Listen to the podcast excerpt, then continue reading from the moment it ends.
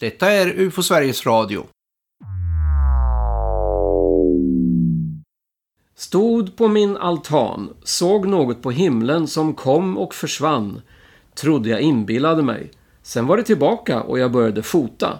Har ingen aning om vad det är och vill så gärna veta. Efter cirka 15 minuter var det helt borta.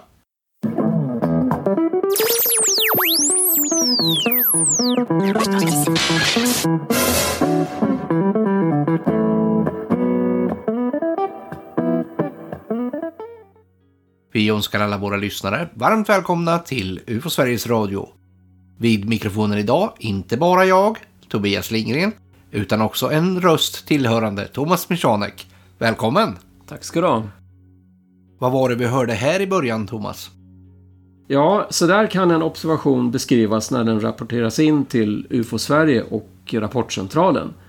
Det är, kan vi säga, startskottet för en närmare informationsinhämtning och undersökning av det som har hänt. Men var har du hittat just den här rapporten? Den plockade jag från senaste numret av Rapportnytt, nummer 4 2022. Och då kom jag på att den har ju faktiskt inte nått prenumeranterna ännu. Nej, just det. För det är ju faktiskt så att just idag när vi gör den här podden så sitter vi och packar det här sista numret för i år av Rapportsnytt. Normalt sett så försöker vi få till dem att tidningen ska komma innan jul. Men vi har inte lyckats med det riktigt i år. Det är ju ett eh, ideellt arbete som kräver att alla inblandade har tid. Men så det dröjde den här gången till mellandagarna innan vi lyckades samla ihop folk till att eh, paketera som vi brukar säga.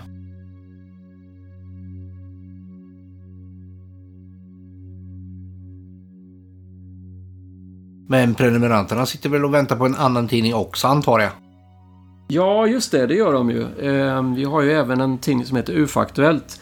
Och båda de här eh, kommer ju med fyra nummer per år och även nummer fyra då, UFA-aktuellt, brukar ju komma innan jul. Men det är som sagt, det har kört ihop sig lite grann för oss. Ehm, så att båda tidningarna kommer nu att komma till prenumeranterna, kan vi väl säga, dagarna efter nyår får det bli, tyvärr. Dubbelt så mycket läsning. Men eh, vad är idén med egentligen med två tidningar? Hur skiljer sig de här tidningarna åt?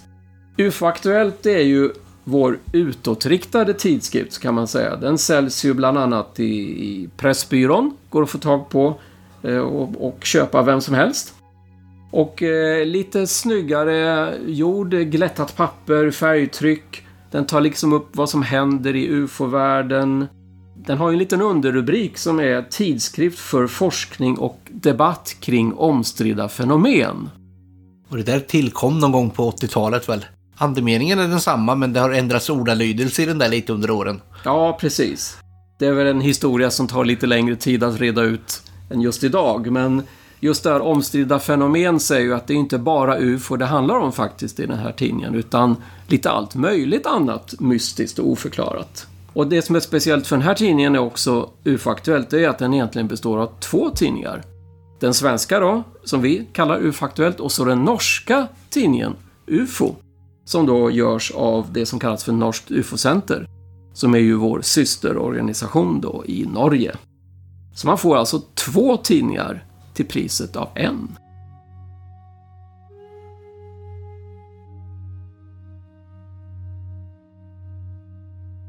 Och sen när det gäller Rapportnytt då, det ser vi ju lite mer kanske som en intern tidskrift. Vem som helst kan ju prenumerera på den också. En liten enklare trycksak som innehåller framförallt en lista av alla rapporter som har kommit in till vår rapportcentral. Det är därför den heter Rapportnytt. Och den här tidningen, Rapportnytt, kan man ju för övrigt också skicka in eget material till. Eh, om man är läsare eller medlem i UFO Sverige och vill få in sina egna tankar eller någonting man har varit med om eller vill skriva om. Hur säljer vi in det här då till våra lyssnare nu, Thomas? Eh, hur blir man prenumerant? Ja, det är ju egentligen ganska enkelt. Vi har ju vår webbplats ufo.se och det enklaste sättet är ju absolut att gå in där och klicka på prenumerera för att beställa en prenumeration. Och då är det ju två olika prenumerationer och en för vardera tidskrift. Och då är det också att tänka på att man blir ju inte medlem genom att prenumerera. Utan vi skiljer på medlemskap och prenumeration då. Men då har vi någonting som kallas för ett sparpaket. Då kan man ju få allting, både medlemskap och prenumerationer. Vad är det då som gör Rapportnytt speciellt? Ska vi fördjupa oss lite i det nya numret? Det kan vi göra. Alla nummer av Rapportnytt är på 24 sidor. Och det är ju en del återkommande saker som alltid finns med i numret. Som till exempel att vår redaktör Mats Nilsson skriver en liten ledare. Och sen brukar Mats skriva en del andra artiklar om saker han tycker är intressant och vi andra också naturligtvis. Bland annat om Nobelpriset i fysik. Det är ganska aktuellt nu. Han brukar också skriva lite artiklar om universum och så vidare. Men det viktiga här är ju, eller det stora i tidningen är ju det som eh, kommer från Rapportcentralen. Alltså den del av UFO-Sverige som tar emot alla rapporter. Och det är i det här numret åtta sidor med 42 rapporter som har inkommit. Så varenda rapport som kommer in till UFO-Sverige finns faktiskt med i den här tidningen. Det är ju verkligen en del av kärnverksamheten. Det är ju det här vi jobbar med. Ja. Och jag tänkte vi kunde ju bara ge ett exempel på hur en lite längre rapport kan låta då. Så jag tänkte ta och läsa en av dessa. Det här är då från den 12 augusti i år i Västerhaninge. Och då skriver då rapportören på följande sätt. Över området där jag bor i Västerhaninge går ett flertal luftleder och under eftermiddagar passerar ett antal flygplan på väg mot Arlanda och ett fåtal på väg mot Bromma. Man kan oftast utan att använda Flight Radar som jag prenumererar på sedan ett antal år och använder en del innan pandemin förstå vart de är på väg genom att iaktta dels flyghöjden, dels hastigheten. Jag såg då ett flygplan på väg norrut mot Arlanda, eller möjligen Bromma, passera på väg norrut.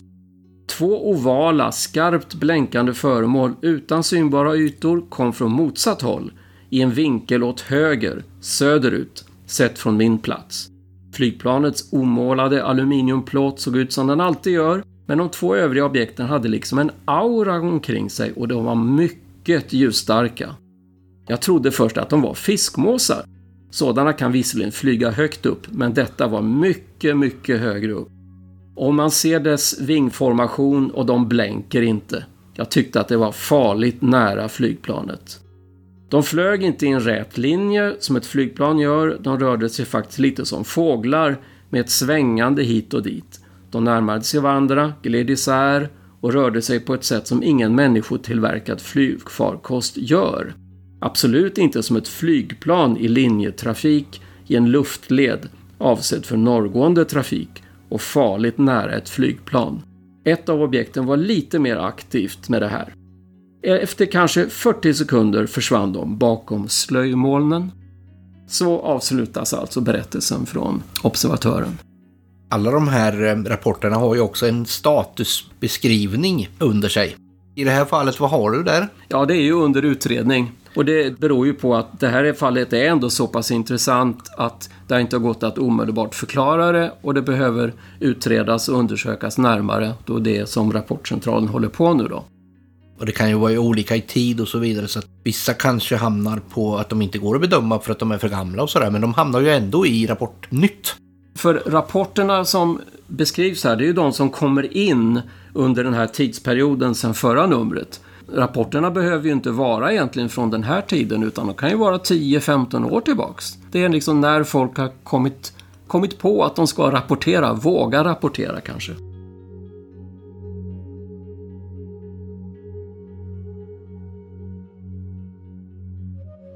Det finns ju ganska mycket att läsa i Rapportnytt. Du nämnde ju bland annat populärvetenskap. Brukar det vara något annat? Ja, det finns ju alltid olika artiklar och speciellt i det här numret skulle jag vilja påpeka att det finns två stycken artiklar skrivna av Håkan Blomqvist som handlar om olika möten med ufo-varelser faktiskt. Det är dels en av våra första ordförande, Karl-Axel Jonssons möten, som beskrivs. Men sen en väldigt intressant artikel om en dam som har varit med om en fascinerande historia i Centralamerika. Tycker jag alla ska läsa. Där kan man verkligen tala om ett oförklarat fenomen. Avslutningsvis så finns det någonting som också då finns i varje, varje nummer av Rapportnytt. Det är en liten seriestripp som kallas för UFO-spanarna som Jonny Nordlund gör. Lite humor också i tidningen. Och så har vi en, en lista av alla våra lokala representanter i Sverige så man kan se vad det finns för folk engagerade i föreningen. Och sista sidan brukar alltid vara stjärnhimlen, som Malin Wiklander skriver som handlar om vad som händer på himlen under januari, februari och mars kommande månader. Så så ungefär ser Rapportsnytt ut. Tobias, nu var det ju så här som sagt att det fanns 42 olika rapporter i det här eh, numret. Var det någon som du kanske har fastnat för? Jag hittar ju en här från den 21 juli i år. Och det står att den är, har utspelar sig dagtid mellan 11 och 15. Det är kanske lite oklart då exakt. Platserna är i alla fall Luleå. Då har personen då skrivit så här. Jag har sett två oförklarliga saker. En för något år sedan och en nu i somras. Den första börjar då. November 2020. Jag var hemma i mitt sovrum och tittade ut genom fönstret en novemberkväll tror jag det var. Det kom ett ljussken som flög upp helt rakt bakom några tallar. Ljusskenet blinkade i vitt och gulorange. Det var inget flygplan, helikopter eller drönare. Ljusskenet steg upp några meter ovanför tallarna, pulserade sakta och försvann plötsligt när jag hade blicken låst på det. Det var ett runt ljussken. Den andra berättelsen. I somras 2022. Jag var hos min pojkvän i Luleå på ett område som heter Lerbäcken. Jag stod i köksfönstret och tittade ut på det fina vädret. Det var inga moln på himlen och det var dagtid. Från periferin till vänster ser jag ett svart mörkt objekt komma farandes under molntäcket men en bra bit ovanför hustaken. Som i princip svischade förbi i en hastighet jag aldrig har sett förut. Objektet åkte från mig och rätt fram där jag stod och tittade och var vid horisonten på max en sekund och borta lika fort som det kom. Balkongdörren var öppen men det som flög förbi lämnade inte ett ljud efter sig. Inte heller något spår kan man se efter plan eller liknande. Jag skrek till min pojkvän i ren rädsla. Vad fan var det där? Jag blev helt förskräckt. Det var ingen drönare, inget flygplan, ingen helikopter, ingen fågel, inget jag någonsin sett förut. Föremålet var kanske som en stor buss. Läste samma dag på Jodel, en skvallerapp, att de sett samma sak på Hällbacken, ett stenkast från Lerbäcken, ett UFO i väldigt hög hastighet. Även den har det då statusen under utredning. Ja, och det tyder som sagt på att eh, den är inte omedelbart förklarbar utan kräver lite undersökning. Och de här rapporterna då som finns i Rapportnytt, de är ju tagna direkt. Det här är alltså berättelserna som kommer in till oss, precis eh, som de är skrivna. Så ibland är de ju, de här var ganska lätta att följa med i, men det finns ju en del beskrivningar som är lite knepiga att förstå sig på. Men det får ni som prenumererar eller blir prenumerant hitta och läsa själva i det här numret. Det som var lite udda med den här var ju att det var två rapporteringar i samma inskick så att säga. Ja. Det brukar det ju inte vara. Nej, och en annan sak som jag tänkte på egentligen båda de här rapporterna, där pratar ju rapportören om vad det inte var för någonting. De är väldigt säkra på vad det inte är. Och det där vet vi ju sedan tidigare att det har ju en tendens till att kanske inte riktigt alltid stämma. Nej.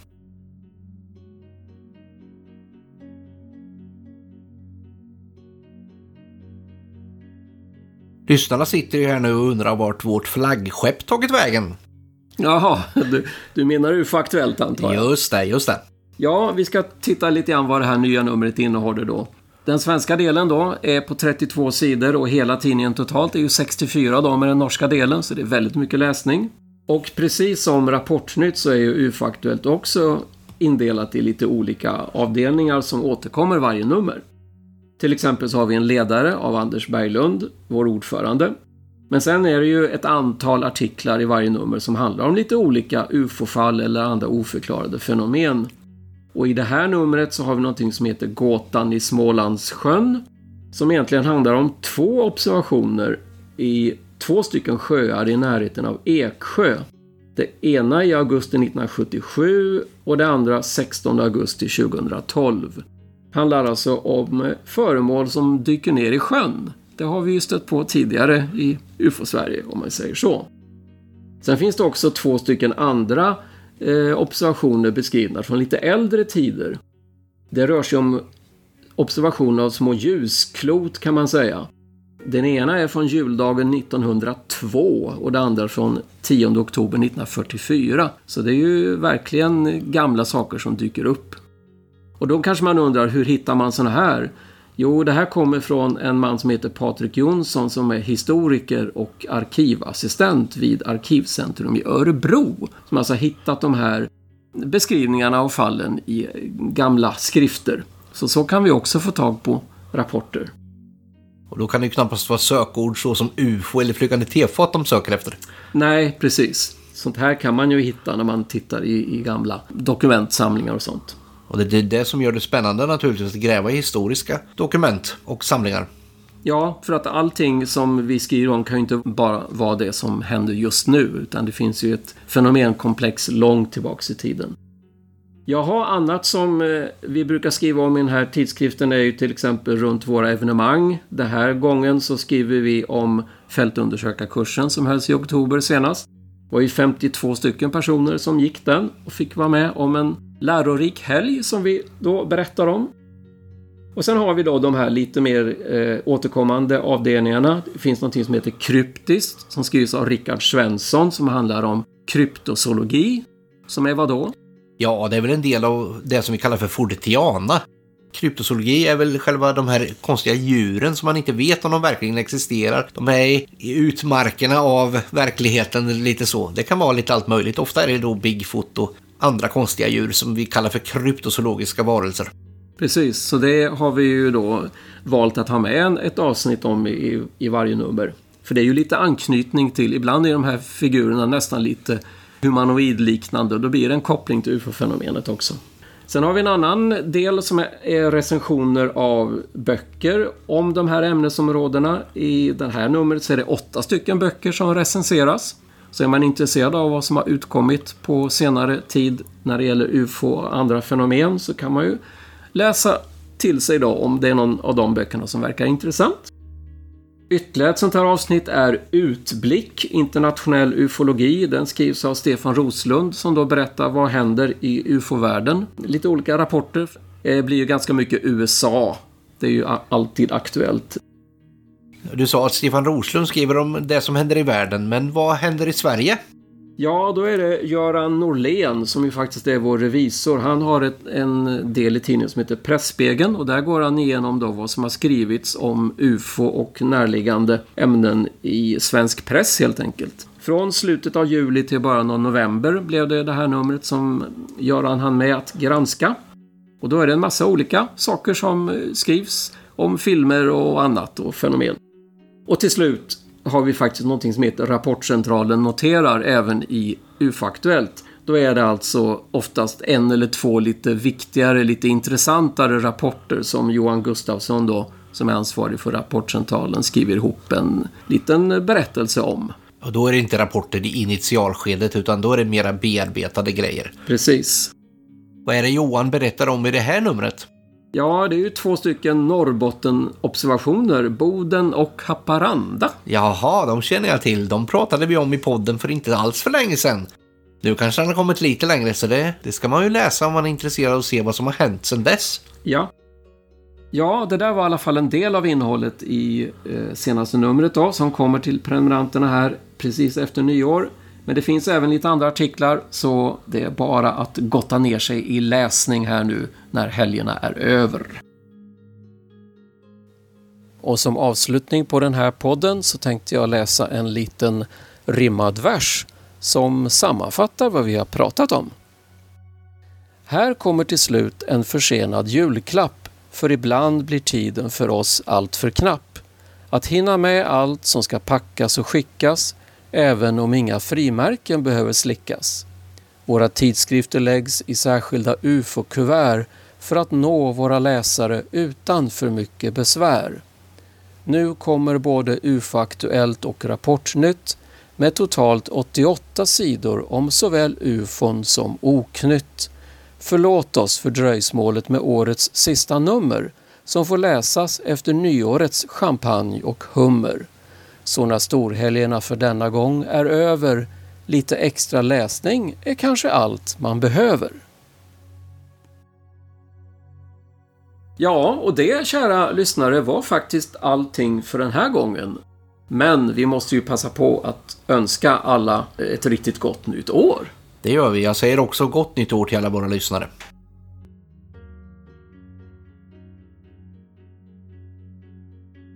UFO Sveriges Radio görs av Riksorganisationen UFO Sverige.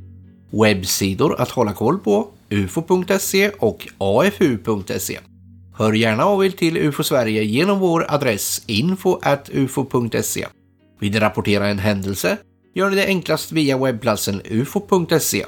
Och fortsätt gärna lyssna på UFO Sveriges Radio. För ett tag sedan så hade jag en avslutningsfråga i våra avsnitt här och då frågade jag min gäst vad de vill höra i UFO Sveriges Radio framöver. Har du någon idé om något roligt ämne, Thomas? Ja, jag skulle gärna se att vi spinner vidare på de här berättelserna som Håkan Blomqvist har eh, gått in på, nämligen eh, lite olika kontaktfall och sånt som är rätt spännande faktiskt att ta del av. Lite i periferin kanske av UFO fenomenet men ändå mycket intressant. Vad är det för någonting egentligen? Det har du alldeles rätt i. Håkan Blomqvist och jag startade ju en serie, åtminstone sa vi det. Men så kom det en tråkig pandemi i vägen där. Mm. Så att vi kanske ska återuppta den tråden. Det tycker jag. Men i övrigt säger vi väl tack för den här gången. Tack för din medverkan Thomas. Ja, tack själv Tobias.